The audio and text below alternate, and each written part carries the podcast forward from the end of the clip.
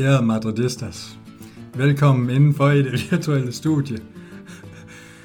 Hvis, øh, hvis bølgerne går lidt lystigt, så er det fordi lige inden vi skulle starte med at optage, der begyndte Daniel Andersen i øh, Nordens Paris allerede at, at råbe lidt højt og øh, beskylde dommeren for fusk og det ene og det andet. Så, så ham parkerer vi lige lidt, og så smutter vi først rundt om Niklas Bensen. Du sidder i kø, og du er, du er en mand, der kan være glad, for du har fået sommerferie. Ja, det er jo, nej, det er jo officiel afspacering, skulle jeg helt sige for min chef. Men, øh, men ja, ja, vi er godt tilfredse. Ja, det er ikke dårligt. Du har endda åbnet en Faxi Kondi, kan ja, jeg se. Ja, det, ved du hvad, du, skal der være fest, så lad det være fest. Ja, men det må man nok sige. Altså, vi har jo, vi har jo jævnligt lyttere, der spørger, hvad du sidder og drikker, så det er derfor, vi lige øh, holder os opdateret. Vi har også hørt, der er øl på køl, hvis det bliver lystigt i aften, så, så skal vi ikke håbe, du ender ude og knappe en enkelt op. Hvis jeg lige forsvinder lidt, så, så er det nok for at være tilskud til jeres gallerier. Nå, nå, nå, nå, nå. Jamen, øh, lad os hoppe videre fra, øh, fra Niklas og, og hoppe til Fyn, hvor øh, den koldeste mand i Danmark, han sidder Jesper Frosthatten. ja, jamen det er rigtigt. Det.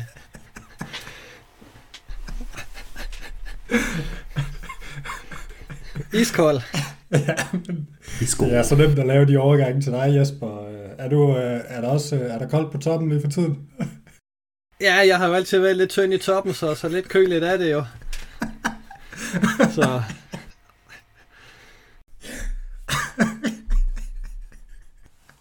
ja, jamen Jesper, vi skal også snakke fodbold i aften. Er du klar på det? Det er jeg. Det lyder, I den grad. Det lyder rigtig godt. Jeg ved, at du har været ude og scout lidt Copa America bold. Der er vi simpelthen nødt til at sende vores koldeste så, så det håber vi, du er klar på. Det er jeg. Det er godt. Daniel, Daniel Andersen, der kommer et attentat på dig i aften. Vi ved, du sidder og venter, så øh, er det trygt? Det er altid trygt. Du har aldrig kunne slå mig ud af kurs i, i vores snakke, diskussioner, debatter, skænderier, Christian. Så jeg glæder mig til at se, hvad du har i godteposen til mig senere. Ja, men det, det skal du vide. Vi gemmer det til et, øh, til et godt tidspunkt i aften, og du har, du har rødvin i glasset, så humøret det er, det er trods alt stadig højt. Vi har allerede fået billeder af, at du sidder og drikker fadøl, og, og i baggrunden af et billede tidligere i aften kunne vi også se en god omgang bølgepommes, så, øh, så du, er, du er varm. All in for alkohol. Lige præcis. Og, øh, og nok madsnak. Vi skal jo i gang med, med den store øh, podcast om Real Madrid, her til aften, der kommer vi ind på Florentino Pérez interview for, for knap en uge siden. Det er noget, I ikke at få med. Så skal vi snakke noget øh, EM, noget Copa America, som jeg har nævnt. Og øh, til sidst, så vil vi runde i sådan forskellige afdelinger, for lige at se, hvad der sker. Indimellem alt det, der skal vi også have en lille quiz, og øh, ja, så må vi jo se, hvor, hvor udsendelsen den bringer os hen. Jesper, er det et øh, program, der, der lige er lutter lavkage for dig? Ja, det lyder spændende. Ja, jamen det synes jeg også. Daniel, skal vi tage den med det samme med den der snøffel? Jamen er det kun én snøffel? Nej, det er en pakke. Nå, Hvis ja. går tilbage og lytter til vores sæsonoptakt tilbage i, for et par måneder siden, hvor vi sådan lidt skulle gætte på, hvordan holdet i næste sæson blev, der var du øh, efter et kvarters tid fuldstændig vild efter at vide øh, en pakke snøfler om, om Ramos han blev. Og øh, vi skriver i dag 1. juli, og desværre så Ramos ikke øh, på Real Madrids holdkort. Ved du, hvad det betyder? Det kan, det kan jo stadig noget komme. Nu, nu lægger du jo svarene i munden på mig, fordi du skal være sådan lidt ekstra provokerende og hoverende, så ja, det betyder, at der skal, der skal snøfler til en af verdens, øh, det en af Danmarks mest kedelige øh, byer, øh, Vejle. Så øh, det, det må jo være, være sådan, det skal gå. Øh, det sjove, og det kan du også selv fortælle lytteren, det var jo, at, øh, at du troede øh, i en tidligere podcast for en to-tre gange siden, at det var dig Jesper, der havde det her vedmål, så jeg håber jo lidt, at, at, at, at du blev ved den tro, så jeg, jeg kunne snige mig udenom det her, men det skulle jeg ikke. Øhm, og, og jeg ved også, at Brylle, han, han var interesseret i, hvor, hvordan min statistik var i forhold til det her vedmål. Det var et spørgsmål, jeg ikke tog med i vores seneste Q&A-podcast, fordi jeg var vært, og det kan jeg også svare på nu, at øh, den er ikke ret god. Øh, jeg tror, jeg vandt det første med Jovic, og siden der, der er det sådan set bare gået ned ad bakke. Så Vinicius næste sæson, det, det er mit håb. Øh, øh, men lad os nu bare være ærlige, det kommer jo heller ikke til at ske. Der må vi jo også sige, at hvis du skal have håb for at vinde, så er det, hvis vi sådan tager quizzen lidt efter, hvordan det går, så er det måske fornuftigt nok at, at begynde at være lidt mere med Jesper. Jesper, han er allerede begyndt at drikke kravøl. Men, øh, Ja, det, men som man siger i Vejle, eller som en slogan er, så Vejle med vilje, og øh, vi har da i hvert fald med vilje fået nogle snøfler sendt herned. Så tak for det, Daniel. Det, øh, det vil jeg glæde mig til at mæske mig igennem her i løbet af sommerferien. Men øh, Jesper, du skal, du skal snakke lidt Florentino Peters. Du har fået til opgave lige at kigge på sådan de vigtigste øh, ting og sager fra det her sådan set forholdsvis lange interview, Peters han gav for, for en god uges tid siden i, øh, i spansk øh, i spanske medier. Det var, det var første gang, han stillede op efter Super League-fiaskoen, kan man vist godt kalde det. Øhm, Jesper, kan du ikke tage os igennem et par hovedpunkter? hovedpunkterne? Jo, det kan jeg. Han kom jo vidt omkring i, i den lange snak i El San Sistort, øh, men jeg har valgt øh, tre emner ud, som jeg tror er, er det, som, som vores lyttere nok er, er mest interesseret i, nemlig øh, en, en snak om Superligaen, lidt om øh, spillerindkøb til den kommende sæson, og så om økonomien. I forhold til, til Superligaen, der fastholder han jo, at, at alle klubberne arbejder videre med, med planerne, selvom øh, de har fået den her reprimand af UEFA og, og de nationale fodboldforbund rundt omkring. Han lægger meget vægt på, at, øh, at UEFA ikke har nogen mulighed for at straffe øh, klubberne, øh, hverken de tre, der er tilbage, altså Barcelona, Juventus og Real Madrid, eller de ni andre, som, som trådte ud, og det, det er jo blevet bekræftet yderligere i dag, da en domstol har sagt, at, at de straffe, der er kommet fra, fra UEFA og de nationale forbund, øh, at, at de har ikke nogen gang på jord. Øh, så det bliver spændende, hvordan det, det videre forløb bliver. Det er, altså Florentino Perez sagde, at øh, der var indgået en kontrakt, og, og, og den kunne man ikke øh, komme ud af, og, og, og de klubberne arbejdede videre øh, stadigvæk, selvom der var nogen, der, der havde meldt sig ud af, af samarbejdet øh, fra starten. Så, så det bliver rigtig spændende, hvordan øh, at den videre snak kommer til at forløbe, for det er i hvert fald ikke en, en dødsil, den her Superliga, sådan som man ellers har travlt med at lægge den i jorden øh, for, for nogle måneder siden. Ja, lige præcis. Vi vender måske lige tilbage til dig, men for lige at runde dem sådan en af gangen. Niklas, tror du stadig på det her Super League-projekt, og tror du måske for at udvide den lidt, at de her seneste handler og mange rygter, der er om særligt Paris, det er sådan, kan spille en faktor for, at, øh, at de andre klubber, de melder sig lidt tilbage i det her Super League-løb. Det er jo værd at bemærke, at Paris ikke var med i første omgang. Øh, ja, det, det, det er det jo ikke på grund af deres egen forbindelse til UEFA øhm, og, og til Champions League-turneringen i det hele taget. Øh, jeg, jeg tænker, at der, der er jo ikke nogen, der, så vidt jeg forstår, sådan rent juridisk har trukket sig endnu. Øhm, og mange af dem, der trækker sig er Premier League-klubber, men, men, men det er jo ikke for alvor Premier League-klubberne, der har brug for den her turnering her. Det er jo det var alle andre. Det var Real Madrid og Barcelona og Juventus og Milan og Inter og Bayern München, som, som ikke har altså som ikke får øh, milliarder bare for at eksistere og for at spille i en, i en liga i et tilfældigt land. Øhm, det er jo også der har brug for pengene, så, så men jo, jeg tænker da, at, at, at det begynder at røre lidt på sig også sådan i, i folkestemningen, når man ser, hvad Paris det lige kan præstere. Altså de henter øh, Donnarumma ind, og de henter ja, Asaf Hakimi ind til, til hvad, 70 millioner euro, og så hiver de måske også lige Sergio Ramos ind, og jeg tvivler på, at de er færdige endnu. Så jeg synes jo, at man har brug for den. Det, det må jeg indrømme. Ja, og så har du vel derimellem glemt, at de egentlig også har, har hapset Wijnaldum fra, fra Barca. Ja. Det siger jo måske lidt om, hvor, hvor godt det går i Paris. Daniel, øh, jeg ved, du har, du har også kigget lidt på Twitter, hvor der har været lidt nyt her til aften i, øh, i den forbindelse. Ja, og, og, det, og det lader jo netop til, at, at, øh, at, at man er gået videre med det her, som Jesper han snakker om, og så øh, har, har hvad, hvad, hvad skal man sige, øh, indgivet en, en ordre, der, der, der, der skulle hedde, at UEFA de skulle øh, ja, annullere alle de her bøder og sanktioner, de har lavet mod de her øh, 12 klubber. De ni, der trak sig, så, så de tre, der blev, ikke? Øh, og ellers så ville man gå videre, så øh, simpelthen... Øh, anklage dem øh, for nogle forskellige kriminelle ting, altså UEFA og øh, forskellige øh, officials her i, øh, blandt andet deres præsident Seferin, så det er jo spændende, at man vil gå hårdt med hårdt og ikke øh, opgiver det her. Øh, det viser måske også bare, at, øh, at vores øh, kære præsident, han, øh, han i virkeligheden har haft noget at have det i, selvom, øh, som vi også har øh, diskuteret på den her podcast, debatteret, at projektet øh, i sig selv til at starte med, det blev ikke fremra- øh, fremlagt, undskyld, øh, ret intelligent, men for mig, der handler det simpelthen om, at, at grund til, at fans og sådan noget, de gik til angreb på det her, det er fordi, at man som menneske, fodboldtilhænger, du er ikke omstillingsparat, du gider ikke forandringer. Du, du har det behageligt med, med det, man er vant til, altså som han også siger i det her Jesper, han fremlægger med de nationale ligaer og Superligaen, altså førhen siger, han spiller man i regionale ligaer, Andalus og Valencian, altså i, i spansk fodbold, så skabte man den europæiske liga, og man sagde, at det var enden på fodbold, og det ændrede sig til det bedre. I 1955 skabte man mesterholdenes turnering, og man sagde, at det var enden på fodbold, og det ændrede sig til det bedre. Og så øh, går han over i, at basket, øh, basketball har øh, Euroleague, og den er skabt af klubberne. Hvorfor kan vi ikke gøre noget lignende i fodbold? Altså det er jo, det er jo bare for at sige, altså de her ting, man ikke ønsker fra fansenes side, det er i mange tilfælde øh, har, har ændret fodbolden til det bedre, så det skal man nok have så for i forhold til det her også, at, at Bettes han ser det.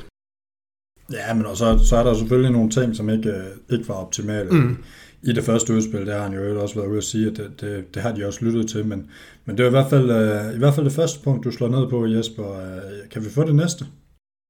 Jamen, det var det her med, med spillerindkøbene, og, og, og der slår han jo fast, at de vil fortsætte strategien med at, med at hente de bedste spillere i verden, og så kombinere dem med unge spillere. Og, øh, og, og der, der lægger han jo vægt på, at, at øh, omgivelserne fortsat har tillid til, at, at han kan gøre de ting... Øh, Øh, og, og her tænker han jo især Kylian Mbappé, som, som han øh, smyger sig lidt udenom, ved bare at konstatere, at, at han er en stor spiller. Men, men der er jo ingen tvivl om, at øh, især efter i dag, at Kylian Mbappé åbenbart har, har afvist at skulle forlænge med, med Paris, så, så er den øh, handel jo blevet mere varm end, end nogensinde. Øh, så, så den, den er bestemt levende. Og så, så lægger han jo også op til, at, at øh, der nok ikke øh, kommer til at ske det hele store, fordi han siger, at der er masser af gode spillere i truppen. Øh, øh, der er masser af talent i, i den truppe, øh, øh, vi har allerede nu.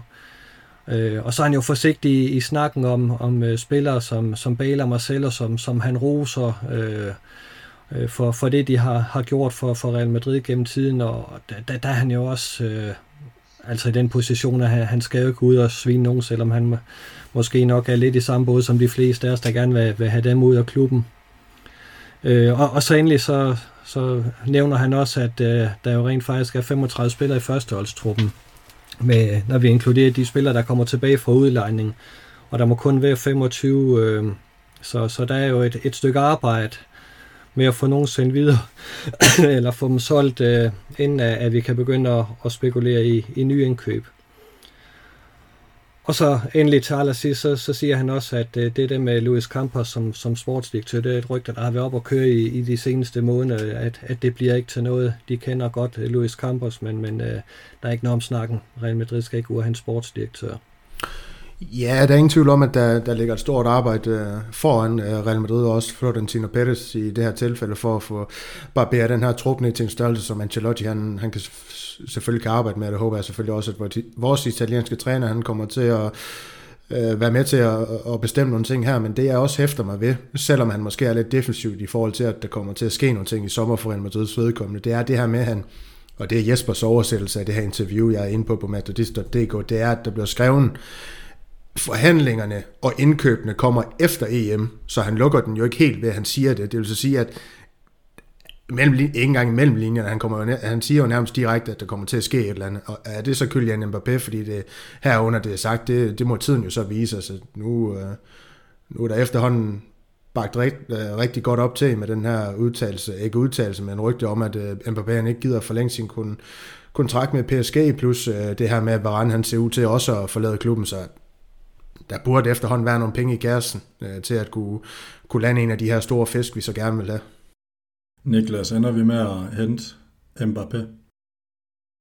Jeg vil, jeg vil sige så meget som, at, at hvis det passer, at han ikke vil, vil forlænge, så, så kan det godt betale sig, tror jeg, at, at gå ud og, og gå efter ham allerede nu, fordi at øh, hvis, hvis rygterne de taler sand, og han, han gerne vil til Real Madrid, så er det, så er det bare om at få, få snuppet ham med det samme, fordi hvis der når gået år, så, så kan der komme så mange andre klubber ind, der kan tilbyde ham guld og grønne skove, og så kan han måske blive fristet af det.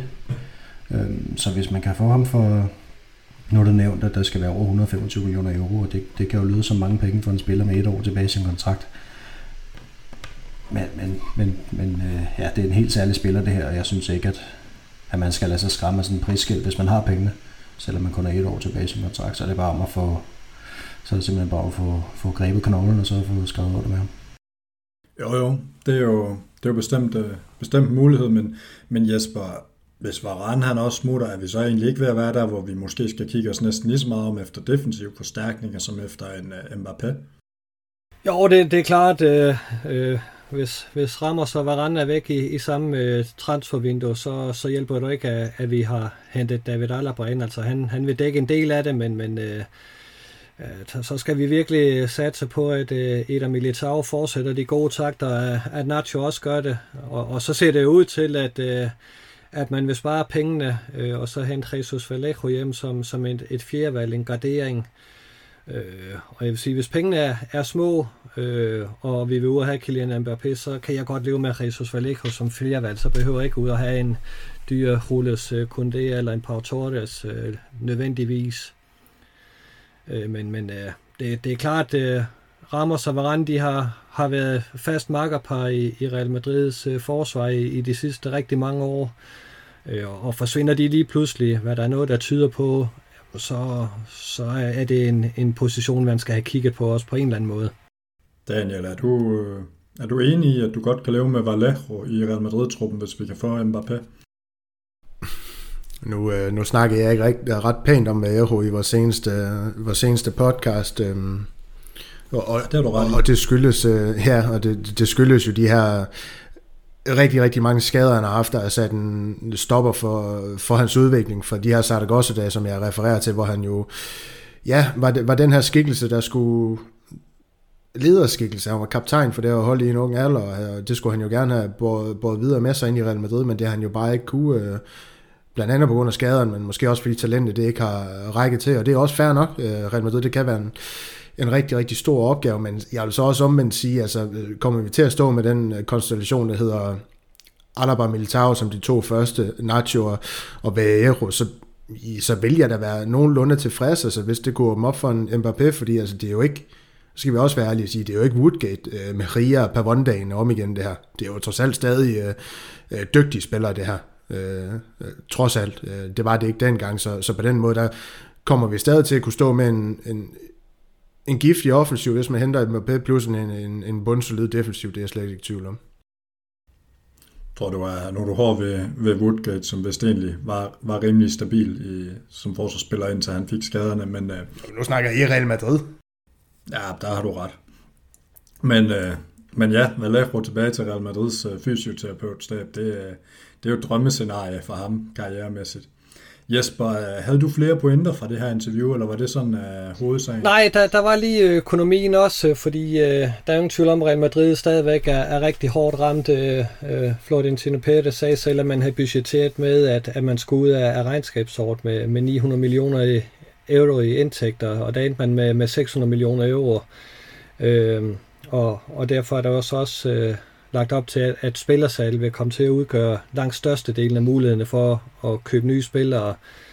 Øh, og, og så roser han øh, i samme ombæring øh, spillernes øh, generøsitet, altså at, at de gik ned i løn øh, i en periode for at være med til at, og sørge for, at man øh, kunne komme ud af, af regnskabsåret med, med et lille plus på 300.000 euro. Det, det var jo både spillernes øh, vilje til at gå ned i løn, samt at man var ude og, og sælge spillere for 100 millioner for at få det helt til rundt. Det er der er rigtig mange, der glemmer, at øh, vi sælger ikke bare spillere for sjov, det er altså for at, at redde en fodboldklub. Øh, der, der er der nogen, der har lidt for travlt med at, at kritisere transferstrategien, men, men den er altså under et helt særligt pres i, i de her coronaår, så, så det synes jeg godt lige, man må have med i tankerne, når man kritiserer næste gang. Niklas, har du det med i tankerne, når du kritiserer vores transferstrategi? Øh, jeg synes ikke, at jeg er en særlig stor kritiker af vores transferstrategi, faktisk. Jeg, øh, jeg kan godt forstå, at der skal tages hensyn nogle gange, men øh, det, som jeg ligesom har kritiseret før, det er, at, at det virker som om, at der var lidt øh, modstand fra træneren i forhold til vores transferstrategi, at, de her spillere, som blev hentet ind, de var måske ikke rigtig ønsket, så man skal jo helt klart have, have sørget for, at nu hvor man har hentet Carlo Ancelotti ind, at, at de spillere, som man henter ind, det er også nogle spillere, han har tænkt sig at bruge. For ellers så er det jo, at man får en, en dårlig økonomi, når man henter spillere ind til 40-50 millioner euro. 60 måske endda, som, som, som træneren ikke ønsker at, at bruge. Så får man jo ikke noget igen. Nej, det er en meget god pointe, særligt omkring en spiller som Militao har det jo været tydeligt, og, og egentlig også nogle af de unge, som jo, som jo måske ikke har fået den spilletid, de burde have, men, men Daniel, synes du ikke stadigvæk, er det ikke, er det ikke fair nok også nogle gange at kritisere den her strategi? Altså, man kunne vel godt også nogle gange måske have hentet nogle lidt mere etablerede spillere, i stedet for altid at ville, ville have en ungt, ungt, ungt de seneste år. Jo, det, det, det kan man jo sige, men så skulle de her etablerede spillere, man, man i så fald hentede, det skulle jo være bekost, på bekostning af nogle andre, og det, og det virker jo ikke til, at man har, har vel skældt sig af med spillere som Modric, Kroos, øh, de her spillere fra, fra vores øh, ja, Champions League runs, du kan også sige Isco, altså den her slags spillere, altså dem, dem har man ikke vil, vil, vil erstatte med andre, måske spændende spillere i andre ligaer, og så, så det så faldet på det her med, at, øh, at det skal komme fra ungdommen, øh, der, der gerne skulle vokse, hvad, hvad kan man sige, med de her øh, veteraner, øh, øh, spillere, der har været igennem så meget, ikke også, øh, i Real Madrid, øh, har den her bestemte over omkring sig, og, og det er jo så det, man har håbet på, at de kunne vokse ind i, altså Asensio, der, der så desværre løb ind i den her ja, triste skade, der har sat en stopper for hans øh, ja, fremadstormende udvikling, som han var under, inden han fik den skade, det, det, det, det hører også med i linjen omkring ham, ikke også, og ja, Vinicius øh, og, og, og Rodrigo, altså den her slags spillere, man har håbet på, de kunne, øh, kunne vokse ind i opgaven, og så, og så træde, ja, træde ud af den skygge, de har stået i, af, af de her rutinerede spillere, men øh, sådan har det ikke været indtil nu, og derfor kan man jo selvfølgelig også godt rette nogle kritik af, af strategien, men øh, med den her slags spillere, selvom Jesper ikke er, er villig til at give dem noget snor, fordi nu er de jo kommet til den mægtigste klub, og så skal man præstere, også i en alder af 17, 17 år, eller de er så 20, de er to brasilianer, men man må gerne overdrivelse frem og forståelse, når vi, når vi snakker i den her podcast, ikke? også for at sætte nogle, nogle ting i perspektiv. Øhm, så, så har sådan nogle spillere her bare brug for, for tid øh, til at udvikle sig i, også selvom det er Real Madrid. Øh, desværre, fordi det, det kommer også til at koste sportsligt. Men Jesper, du er normalt den måske mest Real Madrid og, og egentlig også Florentino Perez tro væbner der meget, meget sjældent, altså der går meget langt for at forsvare, hvad der er, der foregår, og egentlig også, måske også nogle gange hopper lidt op i helikopteren og, og kigger den vej, men, men kan du ikke finde noget at kritisere den her transferstrategi, den her måde, man har kørt det seneste år, de seneste to år måske, på transfermarkedet? Jo da, sagtens. Øh, jeg vil da give Niklas ret i, at, at når man henter spillere for til 50-60 millioner euro, så skal man da have en, en plan med dem. Altså en spiller som Jovic, øh, man kan kritisere meget, men altså man, man henter øh, topscoren i Bundesligaen for at gøre ham til bænkevarmer, og så forventer man, at han skal komme ind fra bænken og, og levere. Der, der synes jeg godt, at, at øh, hvis man bare skulle have en bænkevarmer, så lad være at købe en til 60 millioner euro. Øh, altså, så kunne man lige så godt have beholdt øh, Borja Majoral. Øh, øh, hvad hedder det? Altså, han, han kunne have gjort det samme fra bænken, som, som øh, øh, Luka Jovic. Øh, så, så jeg synes, når man går ud og investerer den slags penge i, i, i spillere, så skal man også øh, have en, en aftale med træneren om, jamen så er det fordi, vi skal have, have spil lagt an på dem også, for ellers så, så hjælper det ikke noget. Øh, og der, der, der er der været nogle spillere, øh, Øh, hvor, hvor man tænker, øh, hvorfor blev de egentlig købte? Hvad var den dybere mening med det? Nu ved jeg godt, det bliver en, en længere snak, det her uden en tangent, men altså e- et er selvfølgelig transferstrategien. Øh, men andet er, altså, hvem er, altså det her med, at det er jo formentlig Pettis og Sanchez, der har stået for den her tra- transferstrategi, fordi ja, altså, har Zidane været med over det her? Det, det, fordi det her med Jovic, han ikke er slået igennem, er det transferstrategien, eller er det Zidanes skyld? Altså noget af det her ansvar, det hviler også på Zidane, at de her spillere, de ikke er brudt igennem. Derfor kan jeg godt lide, nu er han desværre ikke med i dag, Malte, det her med, at vores offensive spillere, kanterne, som han har slået på, men måske også i virkeligheden Jovic, se dem under en anden træner end Zidane. Se om de kan blive udfoldet af en Ancelotti måske øh, offensivt. Vi ved jo, fra da Ancelotti han var her under, under sin første periode i Real Madrid, altså det, det var noget fint offensivt fodbold, der blev spillet. Benzema han kommer klar til at starte, men kan jo, Jovic måske på en måde komme til at fungere sammen med Benzema. Det lykkedes Zidane jo aldrig med. Måske Ancelotti han kan få udfoldet det. Nej, og det virkede jo langt hen ad vejen, som om, hvad skal man sige, ledelsen, den sportslige ledelse af Palace, de havde siddet og set Real Madrid spille, og var lige så frustreret som fansene over, at der ikke var en konkurrent til Benzema, eller at der ikke var en, en anden målscore, men, men sandheden den var, at lige meget hvem man havde hentet, så havde Zidane tænkt sig at spille Benzema 90% af tiden. Og så er det jo netop fjollet at bruge pengene der, så skulle man måske have brugt pengene på en, på en kant, der kunne gå ind og, og udfordre nogle af dem derude, eller, eller på en, anden, på en anden position, fordi det virker jo fjollet at, at bruge så mange penge på en mand, der kun skal spille 10% af tiden. Det, det har i hvert fald vist sig at være en fejl, og, og man kan jo drage mange paralleller til, til Militao, som jo langt hen ad vejen var, var præcis det samme, og han får så chancen, fordi der kommer til pas mange skader.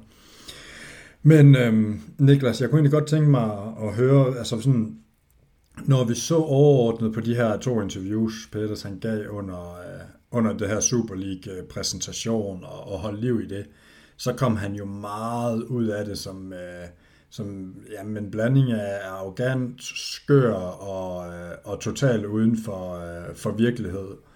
Øh, hvordan synes du, det her interview det fremstår sådan i den sammenhæng? Ja, det, det er bedre, synes jeg. Det er, det er lidt mere sobert. Jeg synes, at han får, han får stadig sendt nogle lidt uheldige øh, one-liners afsted. Kalder blandt andet journalisten for kedelig. Øh, så lidt den der retorik der, den, den synes jeg godt, man kan være for uden. Det virker sådan lidt som, ja, nærmest som om han skal vinde lidt tid i interviewet, eller skal skubbe lidt tilbage og sådan nogle ting, og det behøver han måske ikke. Jeg synes, at mange af de ting, han siger, de, øh, altså de, at de, de, de, det, det er jo den samme linje, han har kørt hele tiden. Altså vi har brug for den her europæiske Superliga. Øhm, nu her, som tiden går, så, så tror jeg, at vi får flere og flere folk over på, på, på klubbernes side, frem for UEFA's side, som jo, som jo vandt øh, runde 1, må man sige, men, men, men jeg tror, at flere og flere de får øjnene op for, hvad det er, der, er, der sker, både i UEFA, men også bare sådan i fodbold i Europa helt generelt, at, at det, det holder ikke det her med, at vi har en, to, tre klubber, som kan gå ud og bruge så sindssygt mange penge sommer efter sommer, uden overhovedet at skulle øh, stå til ansvar for, for, over for nogen som helst. Øh, de, de lever simpelthen i en helt anden verden, og der bliver nødt til at blive reguleret lidt, hvis, hvis ikke fodbolden den skal dø på det. Så jeg synes helt generelt, at øh, ja, jeg synes, det, det er bedre den her gang, end der var sidst. Sidste gang, der, der var han meget i forsvarsposition. Det virker som om, vi håber, han ikke være lige så meget mere. Jesper, må man nu ikke øh, kalde nogen for kedelig? Det må man gerne, øh, men det er spørgsmål, om man ikke skulle, skulle have holdt bag, bolden på en banehalvdel. Øh, selvom han er træner for en klub, der gerne vil, vil fremover banen og være offensiv, så behøver man måske ikke lige være det i sådan en interviewsituation. Jeg synes også noget andet, han er blevet lidt mere pigerlig med Arleren. Altså, han, han er blevet lidt mere øh, træt af kritiske spørgsmål. Øh, og, og, og der er det ligesom om, at, at der forsøger han at trumfe nogle holdninger igennem, og, og noget af det, han er blevet kritiseret for efterfølgende, blandt andet øh, Tebas, det var jo, at han gik ud og, og sagde, at, at øh, hans mission var at redde fodbolden. Øh, og det er jo blevet noget kritisk modtaget, øh, at, øh, at, at, at Tebas, som sagde, at han, han virkede som en, øh, en Robin Hood-type, øh, der kommer og skulle redde det hele. Øh, øh og, og, han har stadigvæk nogle, nogle gevaldige modstandere, både i, i det spanske fodboldforbund og rundt omkring i Europa i forhold til den her Superliga-idé, men, men øh, han, han kæmper hårdnakket for den, det, det må man sige. Ja, Pirli Maleren, Jesper, er det, er det Peters eller dig selv, du taler om? Ja, jeg er på vej. Wow. Jeg arbejder på at nå op. Det er dejligt Og så skal du kraftedeme ikke stille sådan nogle spørgsmål til mig, har du forstået? du er kedelig. ja, ja det, det, jeg er folkeskolelærer, så det er jeg vant til at blive Ja, det er fedt. Jeg skal mere til at, til at slå mig ud af den. Men Jesper, det er godt. sådan, øh, i spanske medier, nu er du lidt inde på det, og sådan Spanien generelt, hvordan er der blevet taget imod det her interview? Altså de første det blev, som du også siger, der blev jo taget meget kritisk imod det, og, og også fordi der også var nogle gedine modstandere af, af hvordan Peters og, og, og resten af, af, hvad hedder det, Real Barca Atletico, de, de gjorde uden, de, uden resten, det, sådan, det fremstod. Men hvordan er der så blevet taget imod det her interview den her gang? Jamen, jeg vil sige lidt på, på samme måde. Altså, øh, øh, den spanske befolkning øh, er der jo ikke øh, de store vilde protester over de her Superliga-idéer. Altså, der er ikke, øh, hvad hedder det, protester på, på veje og gader, øh, som, som der var i England. Øh, og, og i, i medierne er det egentlig også øh, blevet taget stille rundt mod. Der er ikke øh, den, den store voldsomme kritik øh, af den vej. Det er altså selvfølgelig er der nogle kritiske røster, men, men det er ikke sådan, at, at han er i strid modvind i, i pressen heller, Florentino Pérez. Øh, og han har jo så også, øh, hvad hedder det, glimrende opbakning fra Juan Laporte i Barcelona, må man jo sige. Altså, han støtter op om den her idé lige så meget, som, som øh, Florentino Pérez gør, øh, og, og, i, og i Juventus øh, er der lige så stor opbakning til det, så, så øh, de, de tre klubber, de, de står virkelig sammen om det her projekt her. Ja, det er, jo en, det er jo en ting, det er jo måske for de lyttere, som ikke er så, så kyndige ud i, ud i det spanske og ud i, i det kulturelle dernede, så det jo så betyder det rigtig meget for både folkestemningen og for mediernes stemning, at hvis Real Madrids præsident og Barcelonas præsident er enige om noget, så, så går man jo, altså så, så stiller man ikke rigtig spørgsmål ved det, fordi så, så er det langt hen ad vejen oftest, øh, oftest det mest fornuftige. Og så er det også fordi klubberne de er presset, altså vi ser jo også, hvis Real Madrid har været lidt presset og ikke har kunnet hente spillere ind, så ser vi jo bare så lige nu, som ikke kan forlænge med deres største stjerne, fordi de ikke har råd i forhold til at skulle overholde financial fair play. Det kan så undre, når man ser, hvad PSG henter. Men, øh, men det er jo sådan lidt et sidespor. Øh, jeg tænker egentlig, at vi lige lukker den her, det her segment ned, Daniel, over ved dig. Øhm, og jeg kunne egentlig godt tænke mig at spørge dig, hvis du nu var socio i Real Madrid, og øhm, du, skulle, øh, du skulle til valg, det skal du jo ikke, og det skal socios jo heller ikke. Hvor sikker vil du være på at stemme på, på Pérez, hvis der var valg i morgen? Jamen, jeg vil være rimelig sikker. Altså, for mig at se, og, og nu ved jeg godt, det her det bliver en, en forklaring, udover bare et øh, nemt svar på dit spørgsmål, men Altså de, den her gang var det også meningen. Ja, men, men de, de kandidater, der har stillet op mod Pettis i, i den tid, han har, han har været der, og dem, der ja, fremlagde et, et halvfæsen kandidatur øh, senest, øh, jamen det er jo ikke for mig øh, seriøse kandidater. Det er, det er jo ikke troværdige skikkelser på den måde. Det er jo ikke øh, folk, der har den autoritet omkring sig, som Florentino Perez har. Altså jeg ved godt, at han har, især i den danske fanbase af Real Madrid, øh, har rigtig, rigtig mange kritikere, kritikere Perez. øh, øh og det var, det var nok bare sådan, det er, men for mig, og jeg ved godt, at, at tidligt det ikke skal være blind eller sådan nogle ting her, men jeg stoler virkelig på det, han laver, Peters. Han, han har ført Real Madrid igennem den her øh, coronakrise øh, jeg ved ikke, om man kan sige elegant, men, men på bedst mulig måde. Øh, og, og, og, som socio, hvis man var der og havde stemmerettighed, så, så, så var det også noget, man skulle, skulle bifalde. Det gør, vi ikke, det gør, at vi ikke ligger i ruin, og så kan det godt være, at vi ikke øh, kan, kan, kan hente de spillere, som, som fans også ønsker. Men Øh, vi er et stabilt sted, og, og det er hans skyld, og, og det har været hans skyld i, i lang tid. Uh, jeg skal også, man skal også huske på det, han har gjort for klubben. Uh, lige fra hans første periode så, så til nu. Øh, for mig en uundværlig skikkelse i, i Real Madrid simpelthen, og jeg ved godt, at det, det er noget Jesper han lapper i sig, fordi at han har det 100% på, på samme måde, selvom at Pette selvfølgelig også har ja, skeletter i skabene og sådan noget der, så er man også nødt til at, til at hylde ham for, for den store skikkelse, han er. Ja, jamen, og det er, jo, det er jo nok meget sigende. Det er jo nok sådan, de fleste alligevel har det. Så er der jo selvfølgelig kritikere, og dem skal der være plads til. Det er også ofte begrundet kritik, for der er jo ting at kritisere, det er der ved alle. Men øh, lad os lægge den ned her. Lad os lukke første segment ned og øh, hoppe videre til en quiz. Daniel, du får øh, lov at svare først her. Niklas, du får lov at svare som nummer to, og så får Jesper lov at være rosinen i pølseanden. Og øh, der er et point til dem, der svarer rigtigt. Så, øh, så det er egentlig meget simpelt, for I får det samme spørgsmål.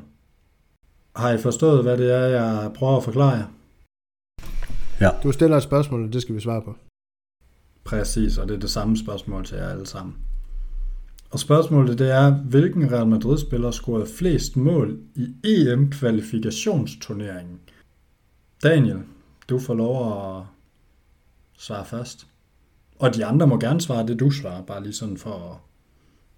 Oh, Jesper, det, det er en presset mand, der sidder på Fyn, kan informere lytterne.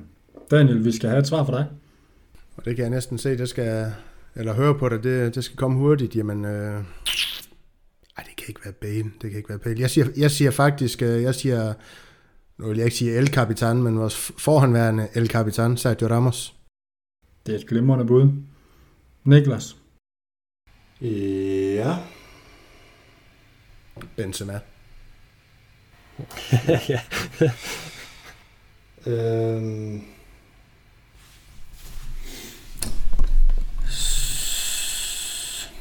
Nej, det har han ikke.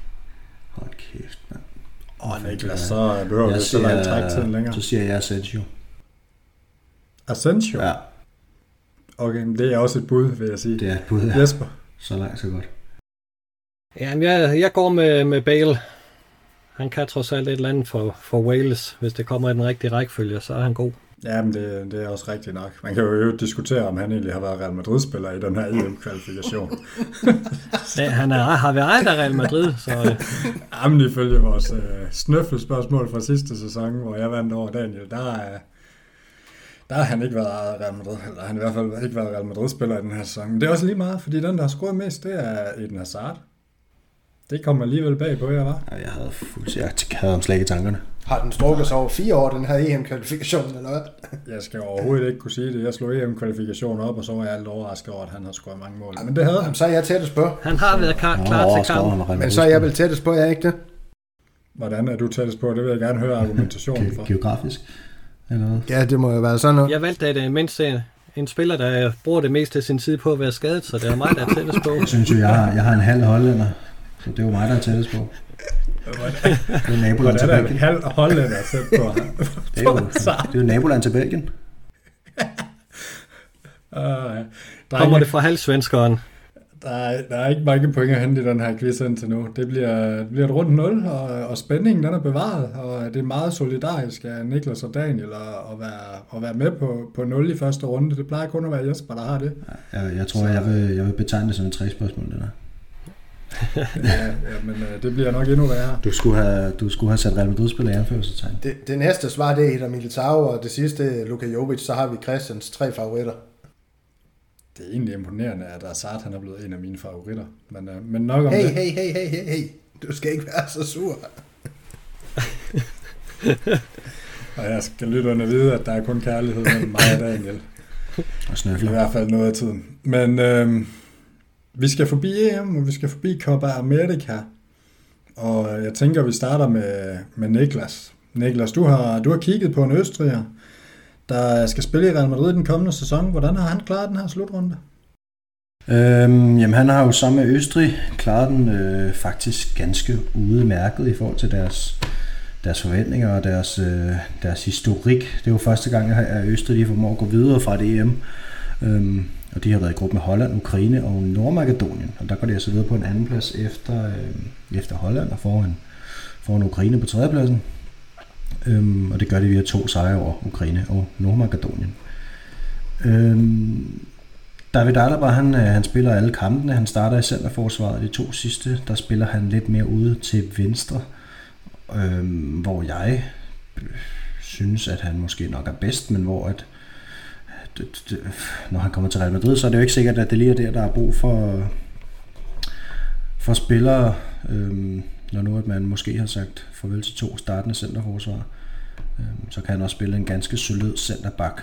Øhm, men, men, men helt generelt, så er han jo en, noget af det, vi mangler, en kæmpe leder på det her Østrig hold her, og han er jo, han er jo altså uden skyggen af tvivl den bedste spiller, de har, og og også den, der går forrest på alle mulige måder. Så jeg synes faktisk, det var et opløftende EM for, øh, for David Alaba, og også for, også for Østrig, som, som ender med knæben, der røg ud til Italien, som selvom de var, var altså markante underdogs i den kamp der, så, så var de faktisk ret godt med, og der synes jeg, at, øh, at Alaba han var en af de helt store sager til det.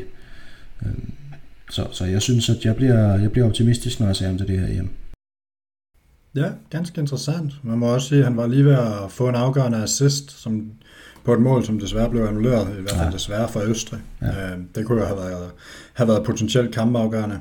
Øh, Daniel, du er glad for pomfritter, kan vi jo konstatere fra tidligere i aften, og øh, man kan jo nærmest ikke sige pomfritter uden at sige Belgien, og man kan jo ikke sige Belgien og pomfritter uden at sige dine favoritter. Hazard og Courtois? Mine favoritter, ja. ja. Ja, men det, øh, de har jo, øh, ja, de spiller sig jo planmæssigt videre fra den her gruppe Danmark, de også er i med, med, med 9 point. Først en 3-0 sejr over Rusland, ret sikker sejr. Det var så her Hazard, han øh, fik sin første spilleminutter under EM. Jeg tror, det var øh, lige underkanten af 20 minutter, han, han fik i den kamp, og i, i næste kamp i, i, i gruppen, det var så mod Danmark, hvor de var lidt på hælene, men øh, Hazard og De Bruyne, de kommer, de kommer ind i, i anden halvleg. De Bruyne fra start. Nu er der ikke ham, du skal omhandle med Hazard sådan lidt efter, og, og, og de ændrer jo kampbilledet fuldstændig, og, og, og viser deres klasse i virkeligheden begge to, og, og, og forventer en, en, en, en 1-0-føring til Danmark til, til en 2-1-sejr. Øh, ja, selvfølgelig deres sværeste kamp i, i, i puljen, og så, øh, så slår de også øh, Finland i den sidste kamp, øh, som, som Danmark de jo kunne høste frugterne af ved, at de også vandt 4-1 over Rusland og, og, og gik videre som to for puljen, men 9 point i,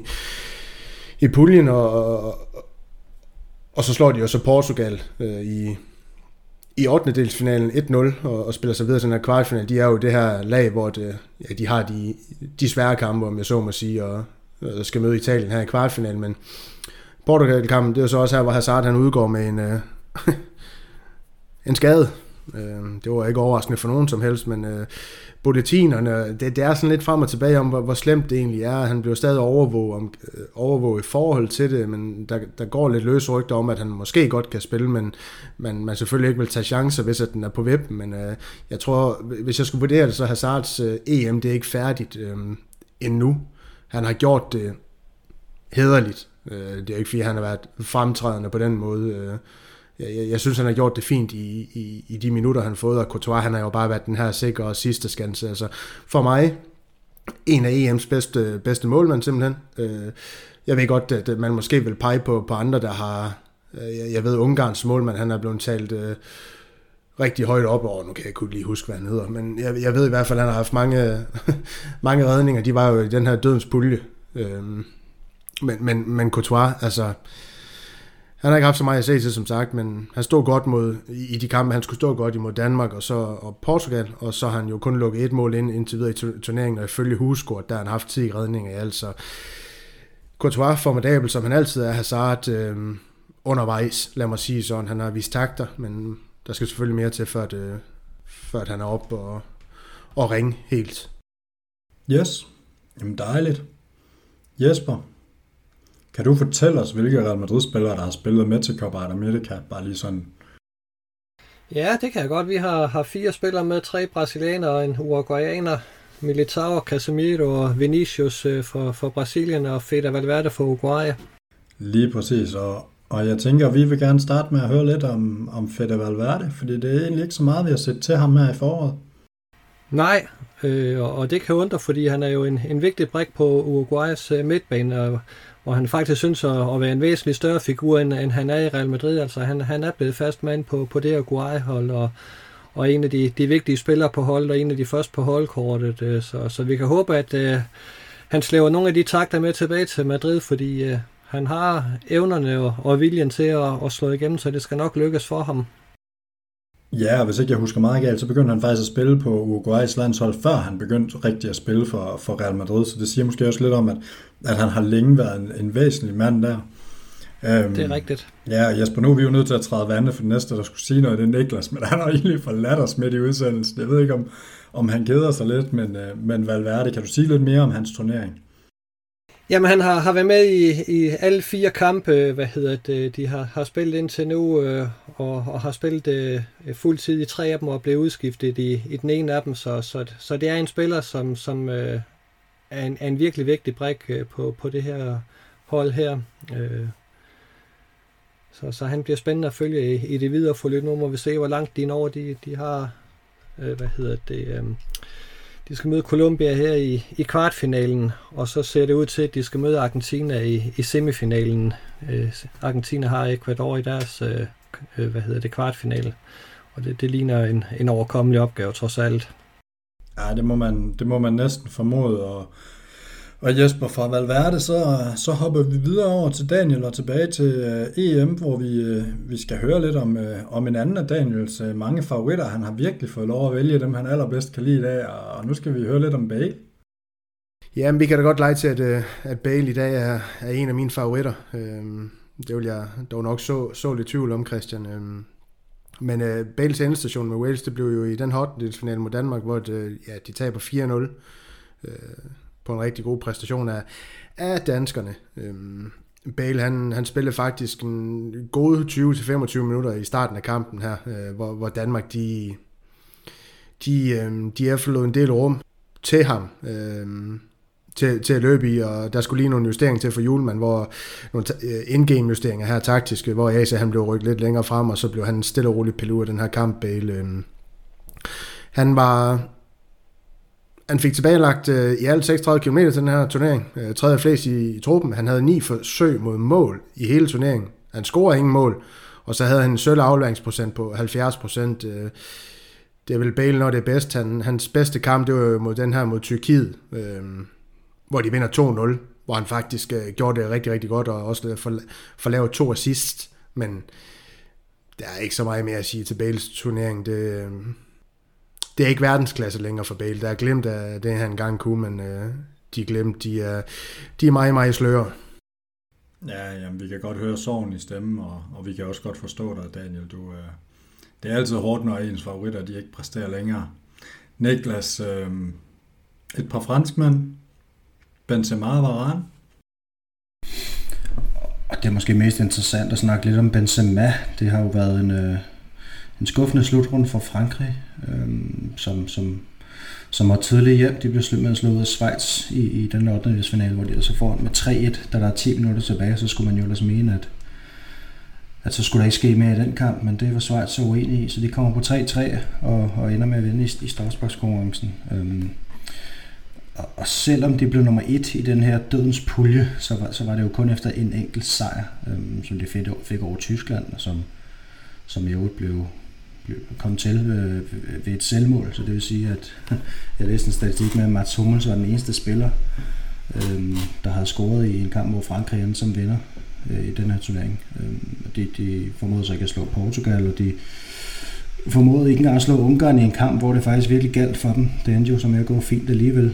Øhm, men, men for Karim Benzema, der scorer han jo han scorer fire mål, han scorer to mod Portugal og to mod Schweiz, og, og især det her, det her ene mod Schweiz, hvor at, at Kylian Mbappé han får lagt en aflevering til ham, som, som ligger godt og vel en meter bag Karim Benzema, øhm, og han alligevel på en eller anden forunderlig måde får taget den med sig og sparket den ind. Det, det kan jo ende med at blive turneringens mål. Og jeg synes også, at, at under hele turneringen, der synes jeg, at Karim Benzema, han, øh, han gjorde noget af det, han gør i Real Madrid. Han tog noget initiativ og, og, og var en leder og kom nok også lidt til at overskygge de andre.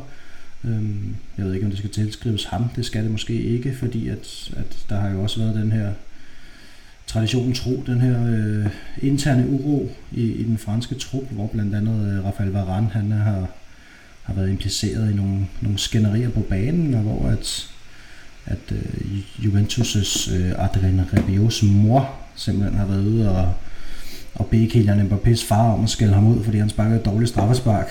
Det, det, det, det, det er sådan et hold, hvor det skal gå rigtig godt for, at det ikke skal gælde i hvert fald. Og det, det, det gik jo ikke rigtig godt til den her turnering. Det, der var et par gode præstationer. Jeg synes, at ben, Benzema han spillede rimelig godt. Der er sådan, sådan set også sådan en som Paul Pogba, han var rigtig god. Men, øhm, men, men det er jo skuffende at ryge ud i en 8. delsfinale, og det er skuffende at ryge ud til Schweiz, og, og det er skuffende at komme ind i mod fire kampe for Frankrig.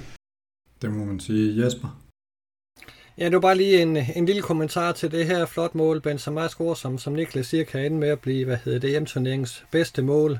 Der er der en lille sjov historie, at, at, at, at Benzema faktisk har lavet et, et lignende mål under en Real Madrid-træning, som han har lagt op på sin, øh, jeg kan ikke huske, om det var Twitter eller Instagram, men, men den 12. januar i år, der lavede han faktisk et, et mål, der ligner det rigtig meget. Og det, det synes jeg, at man lige skulle gå ind og se, om man kan finde lighedspunkterne, fordi det, det er en indøvet detalje, han, han lavede. Ja, og, og det der er sjovt med det mål, øh, lige for at blive ved det, det var jo, at øh, åh, jeg læste et referat, jeg, jeg tror faktisk, det var på, var det på sporten.t2.dk, øh, hvor de kaldte det en akav øh, øh, tæmning eller sådan et eller andet, han fik med sig. Hvor der sådan lidt, ah, jeg tror, når det er Benzema, så skal vi ikke kalde sådan nogle ting akav, så skal vi kalde sådan nogle ting bevidste.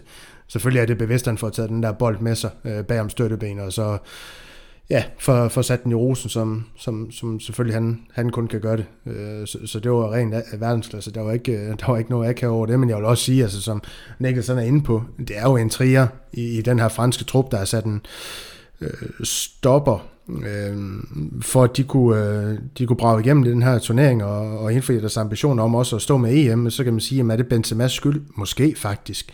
Fordi Mbappé, han er jo også langt uge efter, eller i hvert fald været sådan lidt tøse for nærmere over nogle udtalelser fra Giroud. Og det har jo igen gjort, at der er kommet en, en splittelse i, i, i, i truppen. Øh, Udover det Niklas han snakker om, hvad Rand han har skældt lidt uge, og Pogba, og, og hvad der nu ellers er. Altså, det, det er igennem hele truppen, og, og det har jo desværre øh, sørget for, at øh, Benzema han er, røget ud af den her turnering. Det er jo i hvert fald ikke hans skyld. Han har gjort sit arbejde med de her fire mål, og det kunne da have været smukt, hvis han kunne have sat punktum på en fantastisk sæson med et EM-trofæ, og så der kunne have kørt ham i stilling til den her Ballon d'Or, som jeg har snakket om så meget, men det kommer så nok ikke til at ske nu, regner jeg med desværre. Ej, så skal der nok ske mirakler ja. her i, i løbet af efteråret. Ganske interessant. Jesper, øh, vi lukker Copa America ned med at høre om uh, tre Real Madrid-brasilianere. Jeg tænker, vi særligt skal høre lidt om midterforsvar. Det skal vi nemlig for, for Militao. Han, han fortsætter faktisk, øh, hvor han slap i Real Madrid og er blevet den her jernmand i det brasilianske forsvar, som, som alle regner med. Han, han høster rigtig store roser i, i hjemlandet i øjeblikket. Øh, og, og så scorer han jo faktisk øh, det egentlige brasilianske mål, som sørgede for, at man fik 1-1 mod, mod Ecuador. Øh, så, så han, øh, han er, er skarpt kørende og, og en, en sikker sidste skans i, i det forsvar her. Øh, og det, det lader til, at han, han nu får sit endelige gennembrud også på det brasilianske landshold. Det, det er rigtig spændende.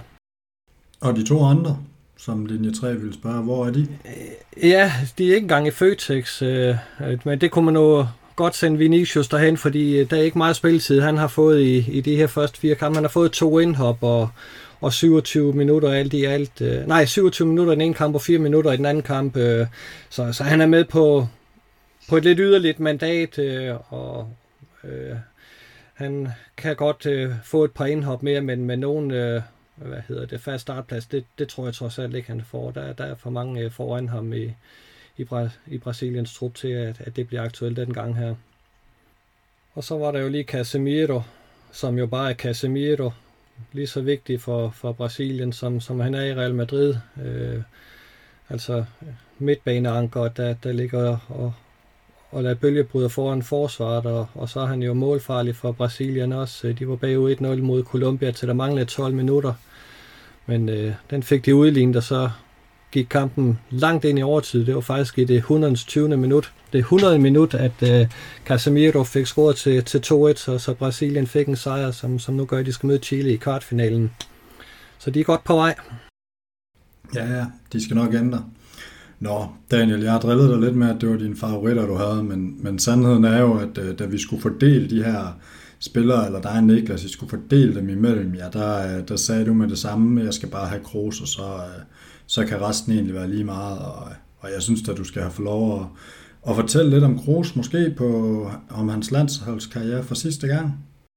Ja, det bliver, en, det bliver jo en podcast i sig selv, hvis jeg skal til at folde hans landsholdskarriere ud, Christian, så jeg nøjes med at og, og snakke om det, han har, har eller ikke har udrettet til den her EM-turnering, fordi lidt ligesom øh, ja, faktisk Frankrig, så gik Tyskland ud af, af den her dødens pulje med, med, med, med kun én sejr. Øh, de slår Portugal øh, 4-2, hvor de ja, kommer bagud, men man forventer, og så spiller faktisk en, en, en forrygende kamp. Øh, og i den sidste kamp, der spiller de øh, 2-2 mod, mod Ungarn. Øh, hvilket jo nødvendigvis heller ikke er prangende, men det er så nok til at gå videre. i taber, som Niklas sagde, øh, 1-0 til, til Frankrig i den første kamp. Øh, det, det man kan sige om Kroos i gruppespillet, det er jo, at han, han var Tysklands øh, absolut øh, bedste spiller. Han førte på, på rigtig, rigtig øh, mange statistikker for tyskerne af det her omdrejningspunkt, som, som han jo altid er. Kigger man på turneringen, sådan helt generelt, så, så var han den, der tilbagelagde næstflest kilometer for, for tyskerne. Kun Kimmich løb mere, og Kimmich han var altså den her, så vidt jeg ved, vingbak for dem, eller bak i hvert fald. Øh, øh, så, så han, han skulle jo frem og tilbage, hvor Kroos han, han løber jo de her oversette meter, som man jo ikke nødvendigvis ser med ham, når han lusker sådan lidt rundt på banen og, og, og gør sig spilbar. Han havde kun en afleveringsprocent på, på 90,5 øh, over hele turneringen. Det er, har jeg valgt at kalde under standard for, for vores tysker. Øh, det skal dog siges, at øh, den her afleveringsprocent, den dykker med 4% alene efter kampen mod England. Det vil sige, at han har lagt op omkring de 95, inden, øh, hvad skal vi sige, Tyskland, de har det her kollektive sambrud mod, mod England, hvor, hvor mere eller mindre intet fungerer. Øh, altså Goretzka, Gündogan og Rüdiger og, og Hummels, de slutter med en bedre afleveringsprocent end, end Kroos, og det vil jeg sige, det er lidt uvandt i forhold til, hvad han plejer at præstere. Måske en, Gündogan, han kan matche ham der, men ikke de andre, vil jeg mene. Øhm, han har 24 øh, bolderobringer i løbet af hele turneringen, og det er også næstflest af, af alle tyskere. Det er jo det er jo ganske flot, at en spiller, der nødvendigvis ikke er, er kendt for det, og også bliver hakket på i Real Madrid, for ikke at erobre nok bolde, investere nok i sin løb defensivt, og så har han også otte vundne taklinger for Tyskland i løbet af den her turnering, og det er flest af alle.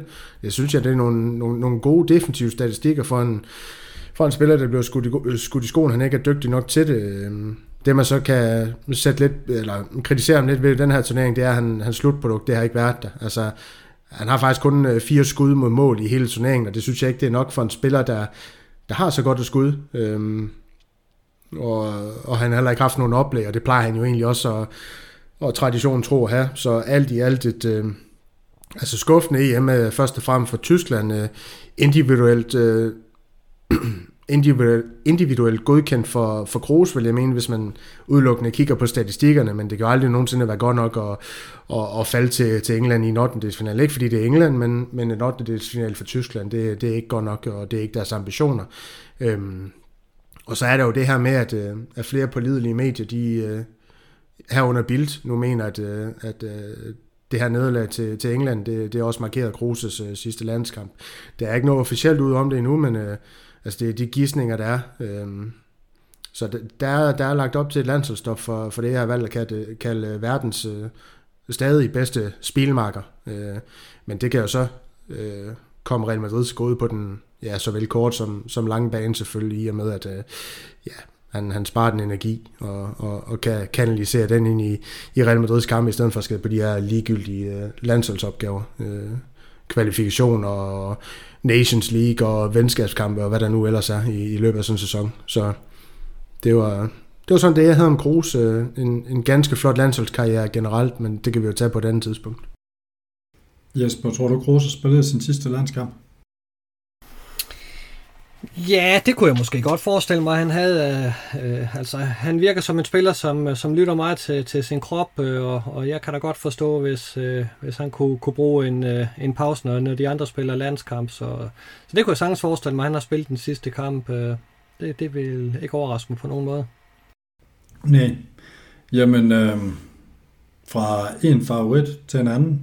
Niklas, du vil bare rigtig gerne have Modric, så... Øh, du kan få lov at tale lidt om en uh, kroatisk midtbanespiller. Tak for det. Øhm... Selv tak. Ja, men øh, ja, det, det, det er jo sådan med Kroatien, at de, øh, de havde så et rigtig godt øh, VM for, for tre år siden, og øh, allerede på det tidspunkt, der var mange af spillerne måske ved, ved at være lidt oppe i alderen. Øhm, og nu er der så gået tre år, og det, det er nogenlunde de samme spillere. Der er lige noget noget Rakitic og noget Mandzukic og så videre, der ikke er med, men, men ellers så er det nogenlunde den samme stamme af spillere, og, og, øhm, og, og, og, og Luka Modric, han er jo en af dem, han er blevet 35 år, og jeg synes sådan set stadig, at han, at han præsterer på, på fuldstændig topniveau. De, øh, de kommer i gruppen i England og Tjekkiet og Skotland, og der ender de nummer to efter England. De, de lægger ud med et nederlag til England, øhm, som, som er fair nok. Det, øh, der er ikke noget der, øh, men så, så kommer de så igen med en udgave mod Tjekkiet. Og så har de den her afgørende kamp, hvor vinderen går videre mod Skotland til sidst, hvor at, øh, hvor Luka Modric han, han får lavet det her fuldstændig fantastiske ydersidemål, øh, som igen kan være kandidat til et af turneringens bedste mål, vil jeg tro, når, når, det, hele, når det hele er slut. Øh, da de så går videre her, der, der skal de så møde Spanien i den her kamp i parken, som, som du er på plads til, Christian, og der igen at det jo bare, ja, ja med mine øjne i hvert fald, at det jo, er det jo bare Luka Modric, der er fuldstændig unik fodboldspiller på det her punkt her. Altså han er 35 år, og han spiller ja, stort set samtlige minutter i den her turnering. Jeg tror, han bliver pillet ud 114 minut mod Spanien, der tingene ligesom er afgjort. Øhm, bærer det her hold, leder det her hold fuldstændig. Øhm, de kommer tilbage, ligesom, ligesom Schweiz gjorde det for 3-3, men ender så desværre med at røve ud i, i straffesparkskonkurrence, eller i, undskyld, i ekstra tid. Eller, nu siger jeg desværre, det er måske meget heldigt, fordi at øh, Luka Modric spillede stort set samtlige minutter for Real Madrid i, i løbet af sæsonen, og så gjorde han det igen til EM, og hvis man også vil have nogle præstationer ud af ham til næste sæson, så tænker jeg, at det er meget fedt, hvis han får en sommerferie. Øhm, men det, det her det er jo måske også sådan en spiller, som man kan tale om, har spillet sin sidste landskamp. Det er jo, det er jo ikke sikkert. Han har ikke meldt noget ud endnu, og der er jo kun der er jo kun halvandet år til, til VM i Katar, så, så man kan jo måske lige tage den med, men, men, men, men det er jo sådan en en spiller, som, øh, hvor, hvor man tænker, om han nogensinde kommer igen. Øhm, ved sådan et land som Kroatien. Jeg synes, han er fuldstændig unik at se, og øh, jeg må bare sige, at jeg nyder det hver gang. Han spillede en stor EM-slutrunde, og, og han gjorde, hvad han kunne for at, at Kroatien gik videre, øh, gik videre og noget så langt, som det gjorde, men, men mod Spanien, der, der mødte de måske bare overmagten. De, de, de er ikke så dumme Spanien i år, som, som de nogle gange bliver gjort til. De spiller altså meget godt. Ja, de har måske bare i virkeligheden ikke rigtig nogen målscore. Det, det kan de jo så tage med Morata, men... Øh men ganske interessant, og jeg var også jeg var i parken og se den her øh, Spanien-Kroatien kamp, som, øh, som var en absolut fremragende fodboldkamp, og, og der var det også lidt tydeligt noget af det her, som du sagde med, at, at Modric, han, der er ikke helt den samme energi i stængerne. Man kunne, man kunne stadigvæk godt se det, man altid kan med Modric, at, øh, at han opsnapper altså spillet lidt før de andre, og han ligger nogle gange nogle afleveringer, som, som jeg ikke altid tror, man, man ser på tv, men det har også været sådan, jeg har opfattet det, når man har været på Bernabeu og se ham, at, at nogle gange så ligger han noget, som man, når man står på stadion, så tænker man, det var der ikke nogen, der kunne have gjort andre på banen. Der var ikke nogen, der havde set den der. Der var ikke nogen, der havde kunne ligge den lige så præcist. Eller, eller sådan. Og det gør han jo også i den her kamp et par gange, hvor han har et par frispilninger. Og så omvendt, så må man jo bare sige, at øh, vi skal tilbage til 18 til VM, hvor Kroatien spiller været to eller tre kampe i ekstra tid. Og, øh, og der kunne han godt køre fuld tid. Og den her gang, der er det den første kamp i ekstra tid. Der var han færdig og må skiftes ud helt, helt slukket efter omkring 114 minutter. Så det siger jo også lidt om, at hans alder er blevet, er blevet et tema. Men øh, det var EM, det var Copa America, og øh, nu synes jeg at vi skal have en, øh, en runde mere i quizzen. Spørgsmålet er, er lidt ligesom før. I får alle tre muligheden for at byde ind. Niklas, du får lov at starte den her gang. Så bliver det Jesper, og så bliver det Daniel. Så Daniel han får lov at, at lige tænke sig godt om. Og spørgsmålet er egentlig meget simpelt. Hvem er den højst rated Real Madrid-spiller under det her EM? Uh, ja, hvem er det, du øh, rated hos hvem? Who scored? Who scored? Han kører sådan et tema nu. Under det her EM. Der hedder Eden Hazard, fordi han laver driblinger. Det er Jesper er helt ude. Hmm. Det, nej, det tror jeg, det, det er så Benzema. Det tror jeg. Du siger Benzema. Jesper? Ja, jeg vil ikke have det samme, så går jeg med Courtois. Daniel? Jamen, så er jeg jo efterladt med Lord. Altså... Du må gerne tage det, de andre har taget. Er det Benzema? Det skal du jo svare Jeg mig. tror faktisk, jeg, jeg vælger at gå med Jespers svar i, i Courtois. Det er glimrende, men uh, Niklas han får et point her. Så han bringer sig foran 1-0 inden, fjerde, inden tredje runde, og jeg kan godt afsløre, at uh, det kan måske godt være en halv stor føring inden, uh, inden tredje runde. Men det kan I jo glæde jer til. Ja. Det var du selv det, men når du går med mig, så... ja, der, der tænker jeg også, der burde du have mere erfaring. Nok om det. Vi skal, vi skal rundt om øh, de tre afdelinger i, i den her øh, sektion. Jeg tænker, at vi, øh, vi starter med at runde lidt feminino. Så skal vi snakke lidt basket, og så slutter vi af med, med Castilla og ligesom runde deres sæson. Inden vi selvfølgelig lukker, lukker dagens udsendelse af med, en, øh, med, med afgørelsen på quizzen. Og, og feminino, kvindeafdelingen, Niklas, den har du, øh, den har du taget, taget dig af med kyndig hånd. Ja, det skal jeg love for. Øhm, det, det er jo gået stærkt, fordi at det er i dag, øh, på dagen, vi sidder her torsdag aften kl. 22.41, den 1. juli, Øhm, et år siden, at, at, at Real Madrid lavede en øh, uh, comunicado official omkring det her feminino hold. Så det er altså kun et hold, der, der er et år gammelt på Real Madrid hænder. Før det, der hed det jo Tarkon og var lige rykket op i den bedste række. Øhm, men, men de præsterer simpelthen, øh, og det, det, det skal man tænke, det er rigtig, rigtig flot det her. De bliver nummer to i, øh, i kvindeligaen i Spanien, og det er godt nok øh, 25 point efter Barcelona på førstepladsen, men, men der er Barcelona også bare en helt anden, øh, i, ja, i, på et helt andet niveau. De vinder også blandt andet Champions League-finalen med 4-0. Jeg mener, at de fører 4-0 ved pausen, og så er den ligesom klaret. Øhm, men, men, men de får, hvor altså få den her førsteplads efter Barcelona og, og lige foran Levante, Real Madrid, som gør, at de skal ud og spille forhåbentlig europæisk fodbold til næste sæson. De skal lige, skal lige igennem kvalifikationsrunde først.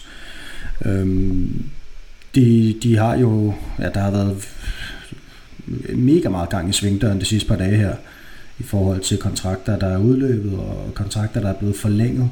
Det som der er med de her kontrakter, der er blevet forlænget, det er, at de bliver kun forlænget med et enkelt år. Og det øh, gælder måske mest, mest markant i hvert fald, så gælder det øh, Kosovare Aslani, som er topscorerbold, Hun har scoret 16 mål i ligaen.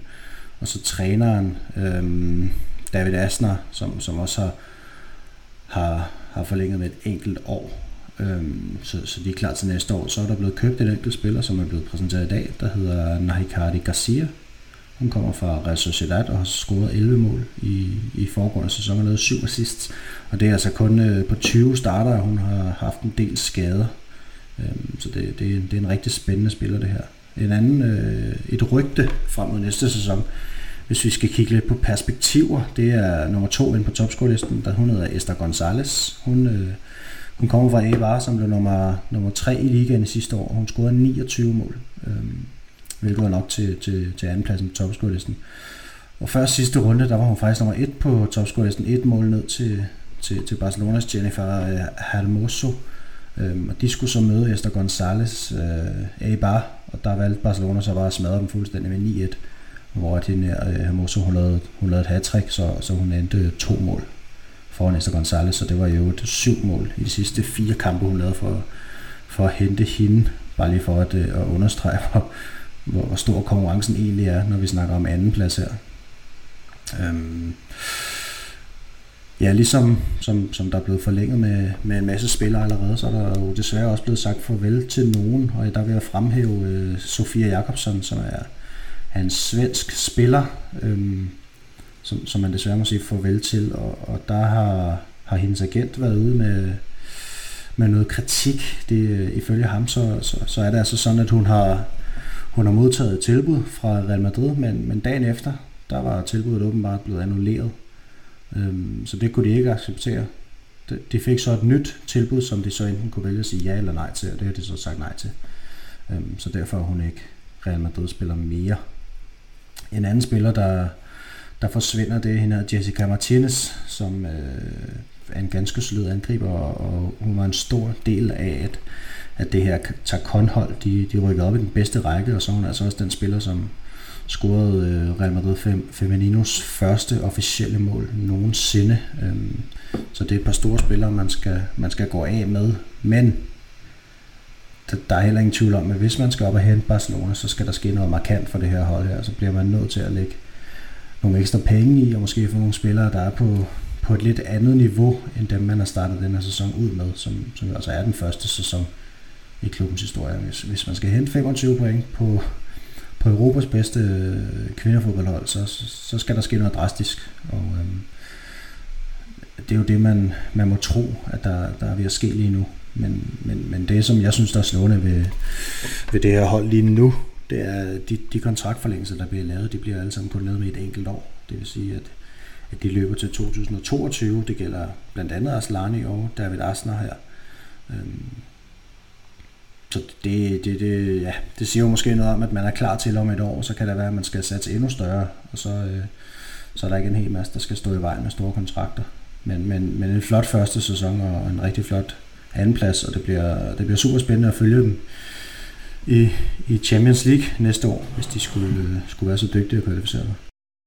Jesper, øh, et år, tror du det handler om, at man gerne vil det her mere, eller tror du mere, det er et udtryk for, at man ikke helt ved, om man vil det nok? Jeg tror gerne, man vil det nok, men jeg tror også, man, man øh, kører lidt for forsigtighedsprincip, øh, fordi fordi der er jo ingen tvivl om, at man nok er lidt afhængig af Champions League-deltagelse for at få nogle penge ind til det her øh, feminine Feminino-hold. Så, så jeg tror, ambitionsniveauet kommer til at afhænge af, om man er med i Champions League, eller om man ikke er. Og, og det lader så heldigvis til, at, at det er man i den kommende sæson, og, og derfor går man ud og, og investerer lidt ekstra i, i holdet det, det, bliver, det bliver spændende at se, hvem de får hentet derudover. Ja, Nik, Niklas, er der jo ikke noget med, at Køge de har sat sig rimelig grundigt på øh, kvindefodbold? Jo, jo, der er også noget, øh, noget Champions League-kvalifikation der, så det kan være, at man skal møde... Øh, ja, det var også øh, HB Køges første sæson i den bedste danske række, og endte med at blive mester. Øh, så det kan være, at man skal møde Real Madrid der. Det kunne man jo håbe Jamen, på. der kan du da regne med, at du får, får kyndigt besøg i lejligheden til en uh, optakt, hvis, uh, hvis de kommer på besøg i Køge. Ja. så sender vi live. Ja, for fanden. Fra stadion. Det. Yes. Ja, også fra stadion, fra, ja. fra hele Køge. Ja. ja. Det, øh, det lyder meget fornuftigt og, og, en, og en interessant gennemgang af den her sæson. Jeg, hvad siger du, Jesper? Jamen, jeg, skulle, jeg, vil bare lige, jeg ved ikke, om vi lige skulle prøve at sætte Barcelonas øh, sæson i relief, fordi der er det hold, og så er det alle de andre, de er en, en liga helt for sig. Altså, det, det er nærmest øh, ja, det er en anden galakse, de, de kommer fra. Altså, der er spillet 34 kampe i, i den her sæson her. De har vundet 33 af kampene, og de, og de tabte en af de sidste kampe. Jeg tror, det var lige efter Champions League-finalen. Der tabte de til Atletico Madrid, som er, er det andet store hold i, i Liga i Bodrola. Øh, og den tabte de med, med 4-3. Men altså 33 kampe og et enkelt nederlag, og så en målscore på 167-15. Altså prøv lige at forestille dig, det er 34 kampe, så laver 167 mål. Det er mere end dobbelt så meget, som Real, Femenino, Real Madrid Feminino lavede. Øh, det, det, det skal man ikke øh, i sit første år kunne konkurrere med, så, så derfor er den her anden plads helt eminent flot. Altså den er, er vanvittigt flot. Øh, og så kan det godt være, at Barcelona slutter som noget. Det er en helt anden snak. Den her anden plads, den er vildt imponerende.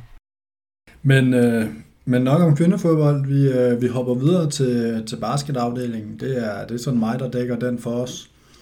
Og øh, hvad skal man sige, det var lidt en, øh, en sæson, der mindede på en eller anden måde meget om fodboldafdelingen. Det var meget lige ved næsten, og blev ikke rigtigt til noget som helst.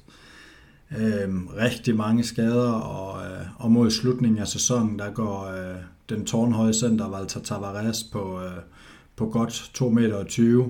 Han går, han går også i stykker, og, og man ender med sådan at få ham lappet lidt i bedste Hazard-stil sammen til, til den afgørende Euroleague-kamp mod Anadolu Efes, som senere vinder turneringen. Men, øh, men de slår Real Madrid ud i den femte kvartfinale, og, øh, og der var Real Madrid bare løbet tør for kræfter. Det var, det var det europæiske eventyr, der sluttede der. Og øh, i den hjemlige liga, der kommer man i, i finalen, hvor, øh, hvor man møder Barcelona, men øh, man har mellem to og, og fem spillere skadet i, øh, i begge kampe. Så man, øh, man løber egentlig tør for energi, og dermed så det er også meget en, øh, en sæson, der minder om, øh, om det, vi har set fra, øh, fra de andre sportsgrene, og også her et øh, Barcelona-hold, som, som hjemligt er, er, er noget fra en anden hylde. Øh, og lige i dag i øvrigt har hentet en, en rigtig stor profil, mens Real Madrid stadig ikke har hentet nogen profiler. Står endda til at miste en af sine stærke unge spillere, og der er et par stykker, der ikke er forlænget med endnu. Så, så også her, der passer Real Madrid ret meget på pengene. Øhm, man har godt nok hentet en enkelt franskmand i løbet af sidste sæson, som, øh, som kan hjælpe lidt, men, øh, men der skal hentes nogle spillere, hvis Real Madrid for alvor skal konkurrere i næste sæson, og, og det kan være, at vi følger lidt op på det, men, øh, men Real Madrid er lidt et, øh, et sted, hvor det er lidt svært. Daniel? Nå, men det var bare lige for at supplere, Christian. Altså, det ved du nok mere om. Jeg, gør. jeg har bare læst et rygte om, at ham her, ja, den, den tidligere professionelle basketballspiller i NBA, Nigel William Goss, tror jeg det er, han hedder. Øh, øh, han har i hvert fald været rygtet til Real Madrid. Der har været nogle kraftige rygter om, at han skulle være, være tæt på Real Madrid. Hvad, hvad, hvad, hvad er situationen omkring det? Jeg tror, jeg tror generelt situationen er, at, øh, at der er rigtig mange af de her rigtig dygtige spillere, der, der først bliver signet efter, der har været det, der hedder sommerlig i NBA. Og, øh, og det er sådan uh, en god måneds tid.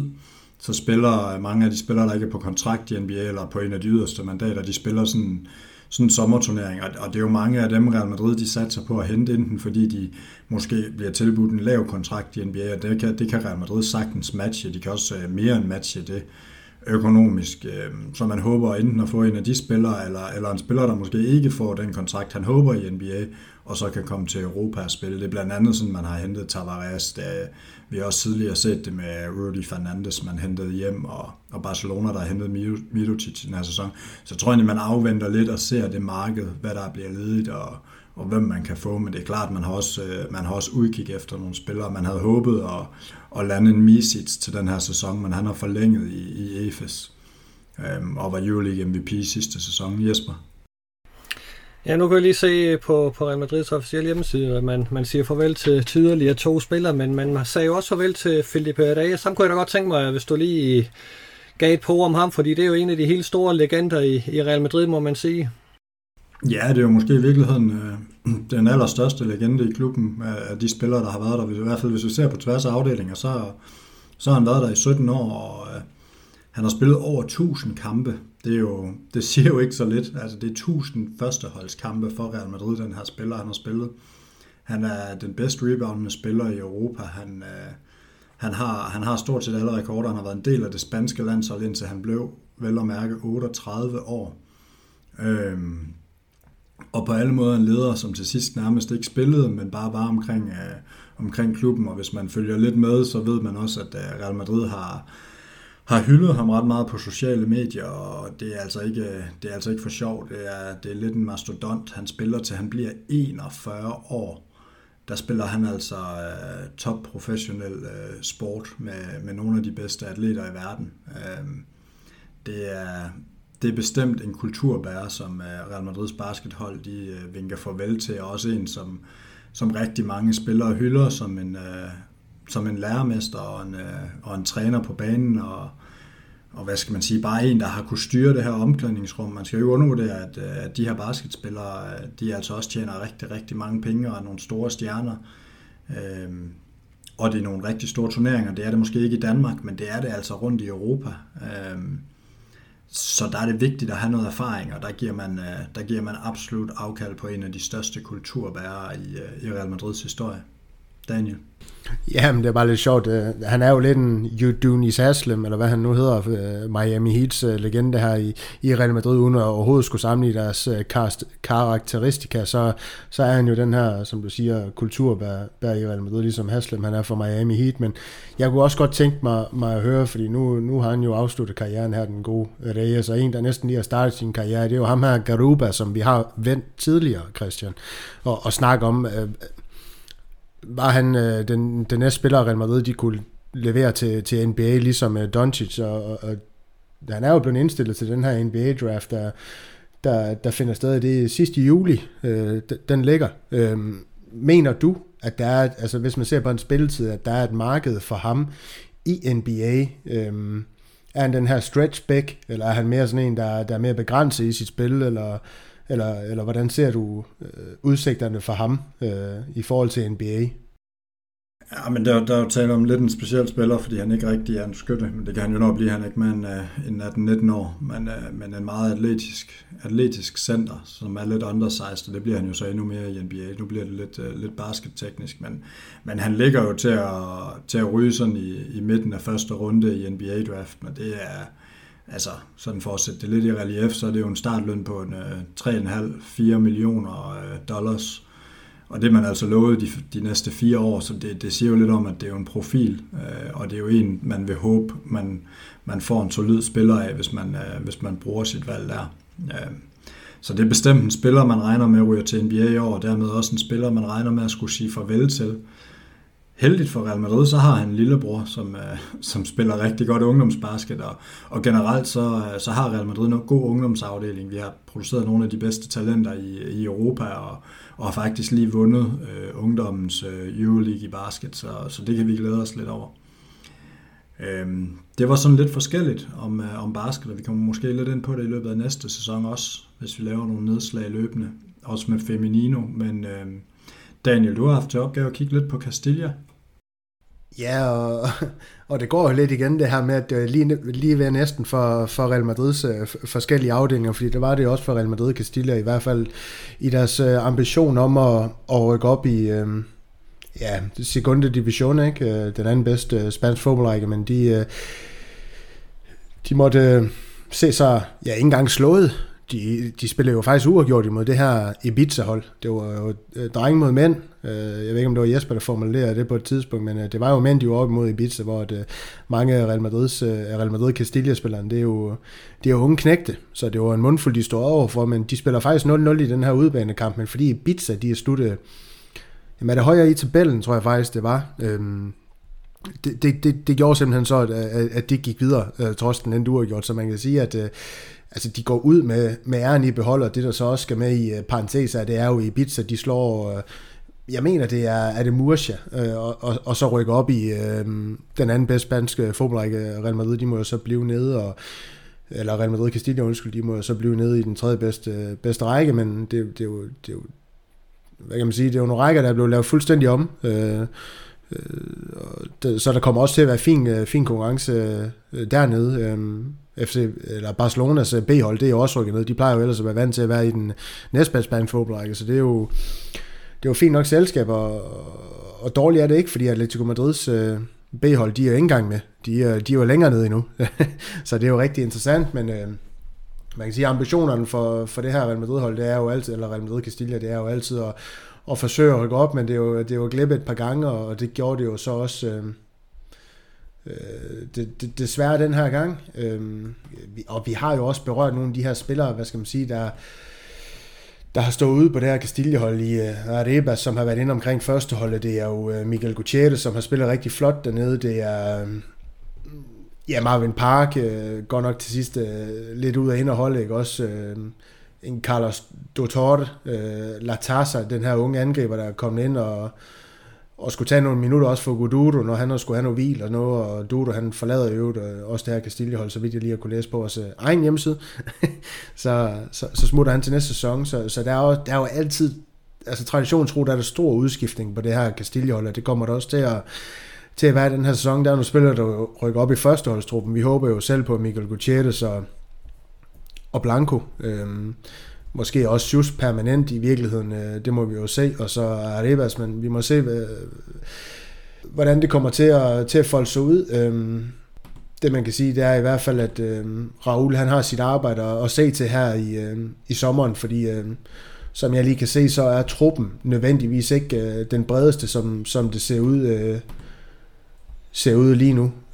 der er nogle kontrakter, der skal findes ud af, hvad man skal gøre, gøre der, og så hvordan er det er, man har, man har landet en enkelt spiller i Rafa Llorente, og så vidt jeg ved, så er det også en nyhed. Er det ikke det, Jesper? Man kan læse på matadist.dk, eller har vi ikke fået den op endnu? Åh, nu skal jeg lige se. men, men om ikke andet, så, så er det i hvert fald en, en, en spiller, man har landet for Las Rosas F, eller CF, som man har nogle forventninger til i, øh, i de rækker der. Øh, og så har man så sagt permanent farvel til Fran Garcia, der jo havde et låne ophold i Vallecano sidste sæson. Ham, ham, ham, ham har man solgt for, for de her 2 millioner euro. Øh, og sagt farvel til Sergio Lopez, skal jeg se, der står til FC Basel. Men øh, det er sådan de store overskrifter på deres sæson. Altså, ja, Castilla, det er jo en af de afdelinger, vi faktisk har været gode til sådan lige at, at knytte en kommentar på i løbet af sæsonen med, med de spillere, der er stået ud. Og, og der er stadig nogle spændende talenter. Vi, vi har jeg har lige nævnt de, de mest spændende lige nu, men uh, som, sagt, så, som sagt tidligere i andre podcasts, der har jeg også nævnt ham her Latasa. Jeg har stor tro på, på, på ham som angriber. Niklas, den kommende sæson for Castilla, hvad, hvad er dine forventninger der? Ja, det, vi, vi må se, hvor mange der bliver rykket op i førsteårstruppen, og, og, og, og hvem der bliver solgt eventuelt. Der er lidt, lidt, lidt snak om, at Marvin Park måske skal ud og have noget spilletid øh, på et lidt højere niveau blandt andet. Øhm, og så forventer vi og håber vi jo måske på at se noget Blanco og, og Miguel Gutierrez især noget mere på første hold, så der, så der bliver de jo svækket. Øhm, jeg er spændt på, hvad de hiver ind, men, men jeg vil sige, hvis, hvis de kan gøre det, som de har gjort det i år, så, øh, så kan man ikke bede om meget mere. Det, det, det er svært at sige lige nu, fordi der er så stor udskiftning, synes jeg. Øhm, men, hvis vi kan ende med, med et helt andet hold, når, når vi snakker tidligere efterår, i forhold til, hvad vi har lige nu dernede, så, så det, du må gerne spørge mig om et par måneder. Jamen det, så prøver jeg da bare at spørge Jesper, han kan da helt sikkert kigge frem i tiden. Spændende. Uh, jamen jeg, jeg tror faktisk, at uh, Miguel Gutierrez og Antonio Blanco de får en, en rolle, ligesom de havde sidste sæson, hvor, hvor de vil veksle lidt mellem Castilla-mandskabet og, og førsteholdet. Uh, for jeg, jeg tror ikke, at man, man kan finde plads til, at de kan blive indskrevet direkte i førsteholdstruppen. Så, så jeg tror, de, de må lave den der veksel, og, og, og det kan der også øh, være noget fornuftigt i måske. Men, men jeg synes, den, den pulje, de er, er kommet i, den ser faktisk ud til at, at kunne ind, øh, komme til at give en, en række spændende kampe. Altså man skal op mod øh, B-holdene fra Betis og Sevilla og Barcelona og Villarreal. Øh, og det bliver jo spændende at få en, en B-holdsduel med, mod nogle af de modstandere, som, som førstehold også øh, skal møde, og, og så er det jo lidt spændende, at øh, vi får et gensyn med selveste Royston Drente, som kommer på besøg sammen med Ukam Murcia. Og så øh, sørger man om ikke også, at vi havnet i, i pulje med øh, Gerard Piquets øh, Andorra-hold. Øh, så, så der bliver en masse morbo i, i den her primære Division af FAF, som, som den er kommet til at hedde. Den, den tredje bedste række i Spanien. Det er kun i Spanien, at øh, tredje bedste række kan hedde Primera. Men, Lige præcis. Uh, men ja, der, der er ikke nogen som dig, der kan grave, uh, grave nogle små interessante historier frem fra, fra de lavere spanske rækker. Uh, Daniel, du, uh, du markerede også. Ja, yeah, og det var bare det her med, at, at Castilla, altså Raul, han, han, han får jo selvfølgelig sit at se til, altså det er jo, det er jo første gang, han kommer til at, til at stå med et hold, der skal spille ja, 38 regulære kampe, kan man sige, i løbet af en sæson. Det var kun 18 i sidste sæson i, i sæsonen, hvor de så kvalificerer sig videre til det her, hvad skal vi sige, gruppespil, øh, hvor, de, hvor de bedste, jeg ved ikke om det var 4-5 hold, de går over i, øh, hvor de så spillede nogle få kampe, der gjorde, at de kom videre til det her oprykningsspil, hvor de møder i, i, i Ibiza, ikke også? Øh. Så det er bare for at sige, at, øh, at, at der venter en Raul en lidt anderledes og lidt måske i virkeligheden længere træn, træneropgave næste sæson. Jeg mener også, at øh, sidste sæson, der startede de lidt senere på kalenderåret netop på grund af det her. Øhm, så alt i alt, der, der skal det blive rigtig spændende at se, hvad det her det, det udvikler sig til for Real Madrid Castilla. Ja, jamen øh, dem lover jeg i hvert fald også, at vi, øh, vi følger op på. Jesper, du vil gerne have et øh, sidste ord om Castilla i den her omgang. Ja, det er jo ikke så meget Castilla, det er mere øh, gruppe 1 i den her primære division, fordi hvis vi lige skulle runde øh, den, den gruppe også, øh, så fordi der er faktisk også et, et par lidt spændende historier. Øh, selveste Deportivo er, er med i den her øh, gruppe her, øh, og det bliver lidt spændende at, at følge dem, om de endelig kan få lidt øh, medgang øh, på, på banen. Øh, og de skal op mod blandt andet øh, det hold, der hedder Dux Inter, og det er et hold, der er ejet af selveste Thibaut Courtois. Han er med ind i ejerkredsen omkring den klub og var også en af de klubber, vi mødte i oprykningsspillet øh, hvad hedder det, øh, i forgangne sæson. Og i den øh, gruppe øh, 1 her, der er også øh, Real Union, som øh, faktisk har fået nye ejere, øh, nemlig via Reals træner Unai Emery. Så, så der er også lidt spændende historier i, i gruppe 1, som vi måske kunne, kunne tage lidt op i, i løbet af den kommende sæson. Jamen, jeg er sikker på, at du kan, du kan snakke hver varm på at følge med i den tredje bedste spanske række, Jesper. Det, det er utroligt, som en, øh, en mand i din alder, han kan, han kan gløde, når han begynder at tale om, øh, om den tredje bedste spanske række. Det, det er helt utroligt. Og det var min som ros i øvrigt, Jesper. Men, tak, øh, tak. Men lad os, Sådan forstod jeg det også, tak. ja, lad os lægge den ned her, som, øh, som vi siger, og så øh, få afgjort den her quiz. Niklas, du, øh, du fører 1-0. Den er afgjort, den ikke? Ja, men de andre skal jo have en chance. Ja, okay. Og øh, vi skal tale en af, en af Daniels store favoritter. Fordi Toni Kroos, han har, han har rundet godt og vel 100 landskampe, måske spillet sin sidste. Men ifølge hvor var det, der kom botthorn det var, det var alt Daniels tips, der skulle ud igen. Det var frustrationslød, efter at øh, jeg hørte Toni Kroos. Ja, men hvor mange mål har Toni Kroos scoret for landsholdet? Og den her gang, der får Jesper lov at byde først, så Daniel og så Niklas, og igen, så er der et point at hente, hvis man rammer rigtigt. Og han har spillet over 100 landskampe, ja, jamen Daniel og Niklas har jo vendt og nærstuderet det, det, så de kan det jo lige på, hvad har han lavet over 100 landskampe, så har han lavet 18 øh, mål. Jesper ligger ud med 18. Daniel, du tager en uh, tår af vin. Du har stillet Pepsi Maxen væk igen og er gået på vin. Skal du med Jesper ned i, i faldet, med mindre han har ret selvfølgelig, i 18 mål? Ej, min første indskydelse, det var 16, og det var lidt træls. Øhm, for han har lavet under. Jo, ja, jeg går, han har, han har lavet 16 scoring. Niklas, vil du have et, uh, vil du have et bud her til sidst og lukke den af med? Så jeg siger 17. Det, I, I serverer den også på et sølvfad. Det er 17 landskampsmål. Perfekt. Så, så det, det, skal næsten, det skal næsten have ros for. Det er, det er imponerende. Jesper, du er der som... Uh, hvornår har du egentlig sidst fået point i quizzen? Jamen, jeg begyndte at slet ikke at vi have point. Nej, jeg synes faktisk, øh, det, det giver et halvt point, at jeg var så tæt på. Det havde jeg alligevel ikke regnet med. Nej, det, det, det er der faktisk mange af os, der ikke havde. Og, og Daniel, det er, det er en sovens dag. Du, øh, du har både tabt snøfler, og, øh, og nu har du tabt kvisten til Niklas. Vi glæder os til næste uge, hvor du forhåbentlig kan rejse dig ved det tro, du er faldet. Niklas, tillykke med, med quizsejren. Vi er, vi er tilbage næste uge, hvor vi vil kigge på nyt om Real Madrid. I mellemtiden så kan I gå ind og more jer ind på madridista.dk podcast på Facebook, I kan også finde os på Twitter, der er vi bare madridista.dk og det samme på Instagram. Endelig vil vi elske at få nogle stjerner fra jer i øh, jeres podcast-app, og at I ellers deler denne med jeres venner og bekendte, der godt kan lide Real Madrid eller bare fodbold generelt. Ellers så er der blot at sige, Ala Madrid. En Ala Mas. Bye.